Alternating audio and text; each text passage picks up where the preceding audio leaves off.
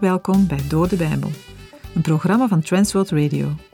Met dit programma nemen we jou in vijf jaar tijd mee door de ganse Bijbel. Tof dat u weer luistert. We zitten ondertussen aan uitzending 513. In Nehemia 2 lezen we hoe Nehemia zijn missie in Jeruzalem begint. Hij gaat eerst s'nachts alleen op verkenning. Dan pas informeert hij de leiders. Hij wijst hen op de ellende waarin Jeruzalem zich bevindt. Maar Nehemia blijft niet steken bij de opsomming van wat er mis is. Hij komt ook met plannen voor de opbouw. Hij deelt zijn verlangen om de stad van God te herstellen en hij geeft een persoonlijk getuigenis hoe de Heer hem tot nu toe geholpen heeft. Zijn woorden raken ook de anderen en men besluit samen aan het werk te gaan. Het is de Heilige Geest die ook hun harten heeft overtuigd om het werk van God te doen. Ook vandaag de dag is het belangrijk om die taken te doen die de Heere God in het hart gelegd heeft. Niet elke nood is een roeping, ook niet in de gemeente. Het gaat er niet allereerst om dat elke vacature opgevuld is, maar dat iemand de taak uitvoert die de Heere voor hem of haar heeft. Vol ijver en enthousiasme wordt aan het werk begonnen. Direct is er al sprake van tegenstand. Maar al te vaak is dat het geval. Wanneer de Heere God een opdracht geeft, zit de vijand niet stil. In Nehemia zullen we verschillende tactieken van de vijand zien. Hier begint het met bespotting en minachting door leiders van omringende volken. Nehemia laat zich niet ontmoedigen. Hij weet dat hij bezig is met een werk van God. Diezelfde God zal het werk laten slagen en zij zullen daar hard aan meewerken.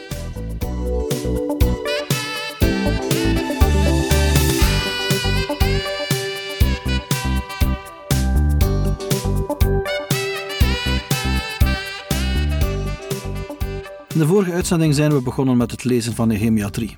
Het hoofdstuk geeft een overzicht van wie waar werkte aan de muur van Jeruzalem. Uit allerlei dorpen en steden komen Judeërs helpen bij de herstellingen.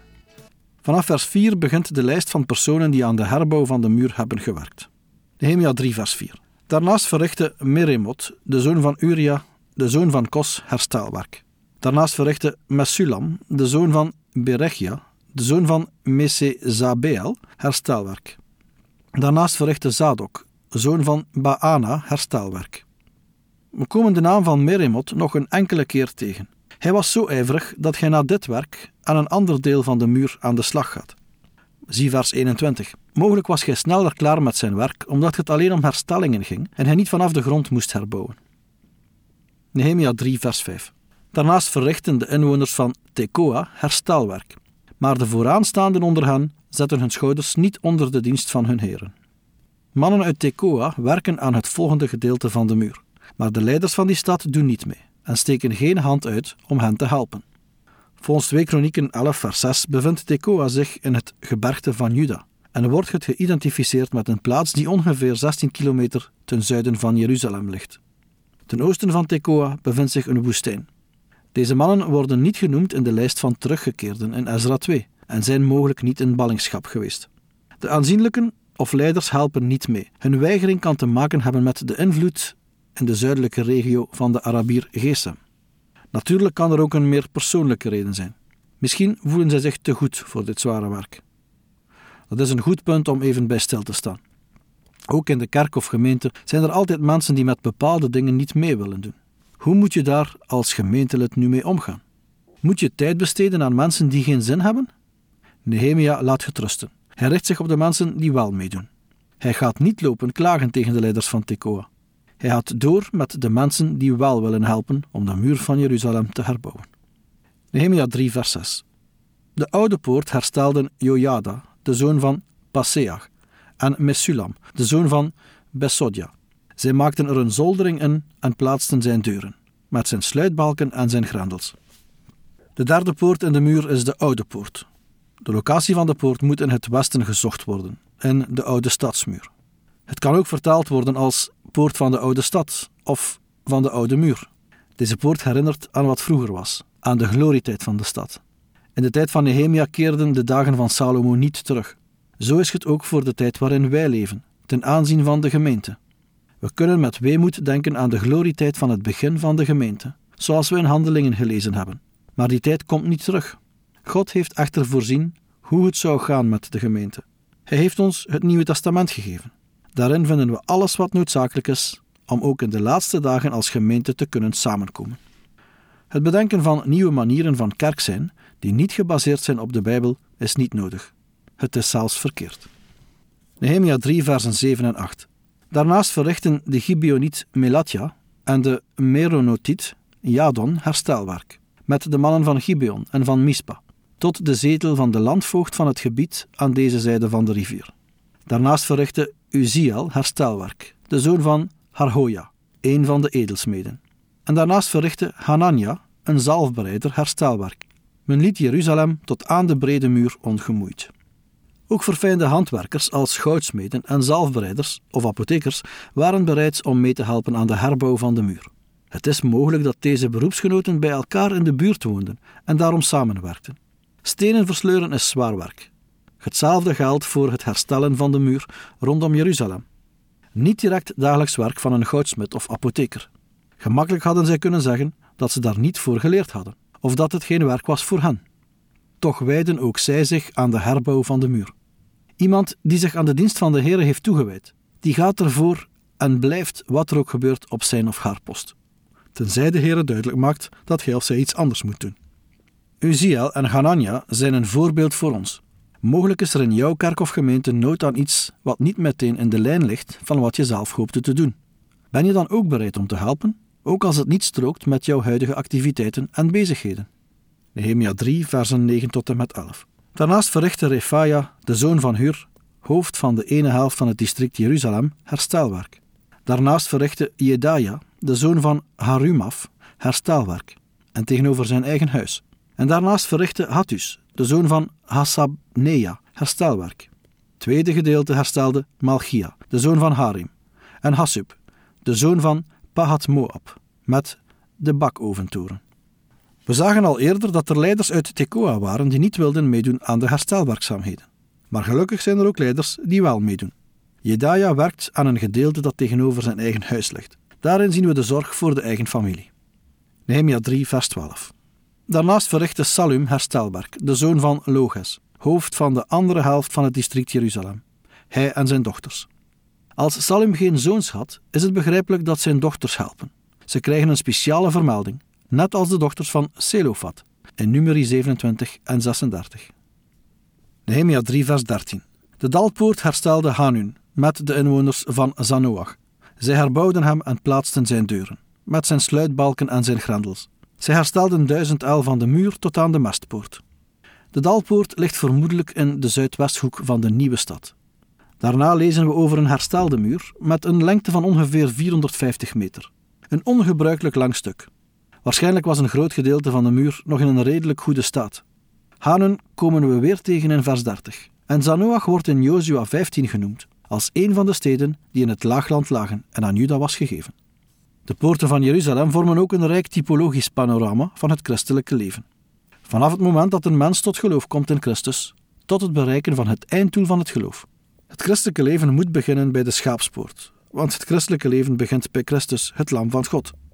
Het lam is geslacht voor ieder mens, voor Adam en voor allen die uit hem zijn voortgekomen. Christus is voor allen gestorven, maar allen zijn ook met hem gestorven. En zo is de oude mens met Christus gekruisigd en begraven. Daarvan spreekt de dalpoort. Bij het woord dal denken we aan het dal van de schaduw van de dood. Daar moeten we allemaal doorheen. David sprak er al over in Psalm 23, vers 4. Daar staat: Al ging ik ook door een dal vol schaduw van de dood, ik zou geen kwaad vrezen, want u bent met mij. Uw stok en uw staf, die vertroosten mij. De dalpoort heeft ook een praktische kant. Het is de kant van de menselijkheid, de kant van de nederigheid. De Heere laat in het leven van een mens soms moeilijkheden en beproevingen toe zodat wij daardoor iets kunnen leren. Door de Heilige Geest kan de Heer ons nederigheid leren, omdat wij Zijn grootheid zien in het licht van onze eigen kleinheid en nietigheid. Het zijn zaken die we niet vanuit onszelf kunnen ontwikkelen. Nederigheid moet van binnenuit komen. Het is een vrucht van de Heilige Geest. Nehemia 3, vers 14. De mestpoort herstelde Malchia, de zoon van Rechab, hoofd van het district Bet Gerem. Hij herbouwde hem en plaatste zijn deuren, met de sluitbalken ervan en zijn grendels.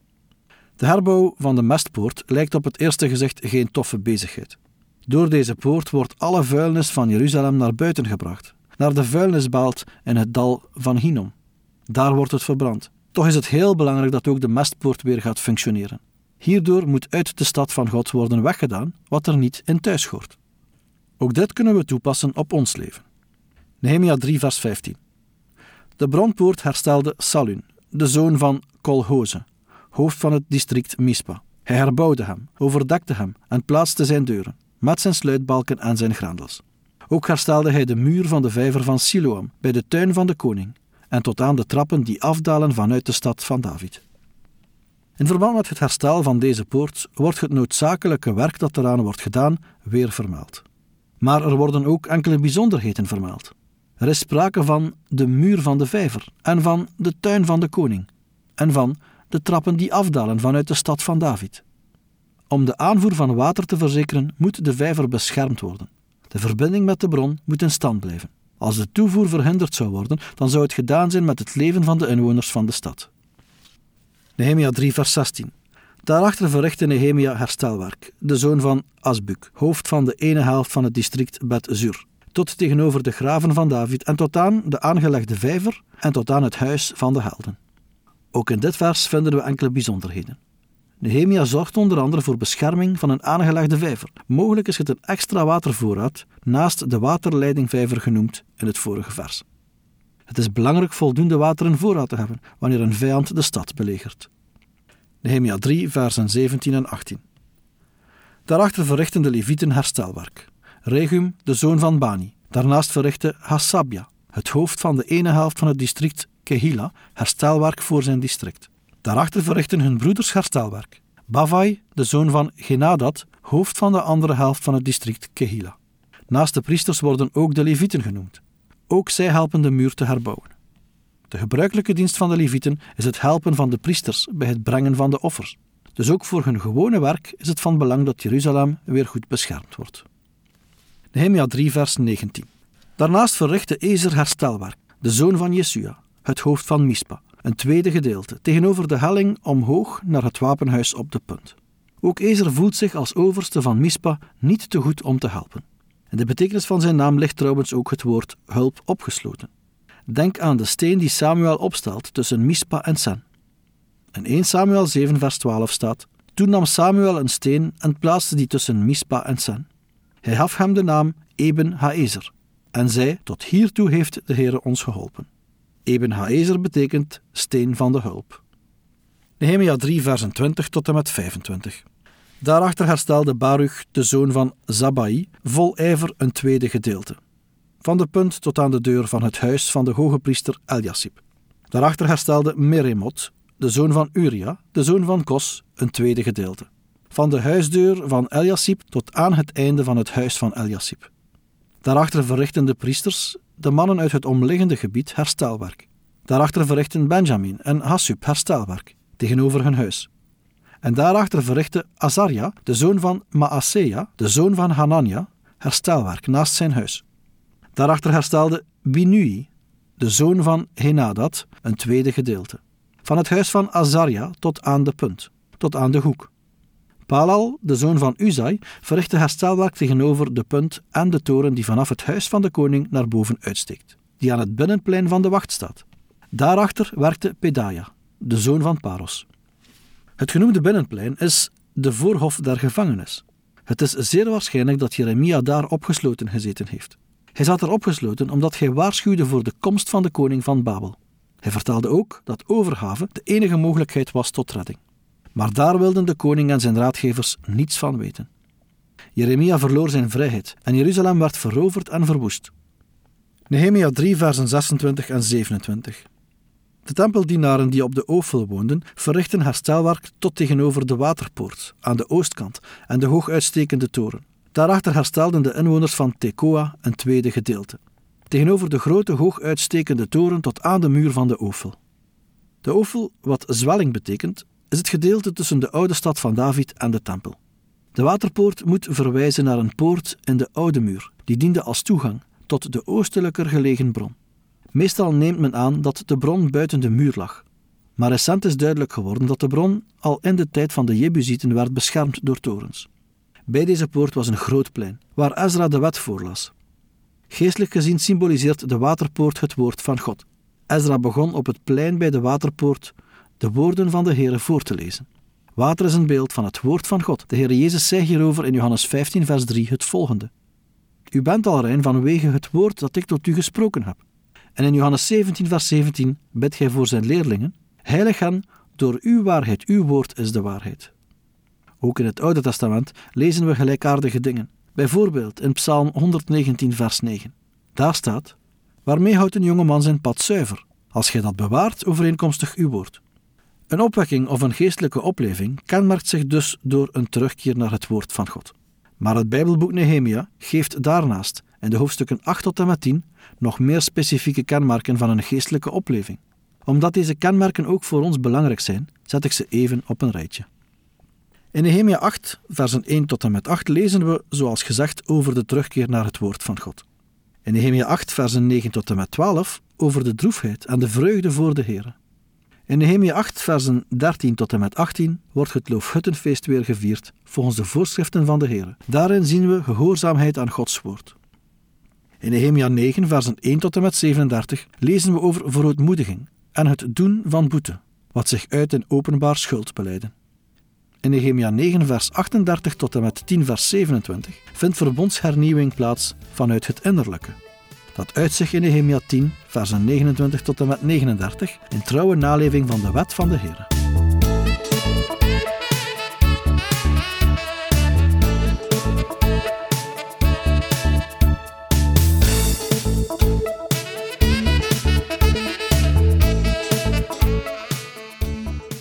U heeft geluisterd naar Door de Bijbel, een programma waarin we in vijf jaar tijd de ganse Bijbel bespreken.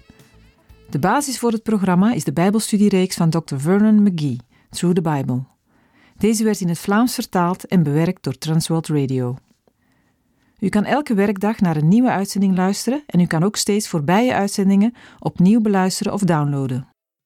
Als u wilt reageren op deze uitzending of u heeft vragen, dan kunt u uiteraard contact met ons opnemen. U kan een e-mail sturen naar doordebijbel.twr.be. Verder kan u op onze site terecht, www.twr.be, voor meer info en het beluisteren van onze overige programma's. Dit programma werd gepresenteerd door Patrick Couchement en Anne Notenboom. Wij danken u voor het luisteren en graag tot een volgende keer.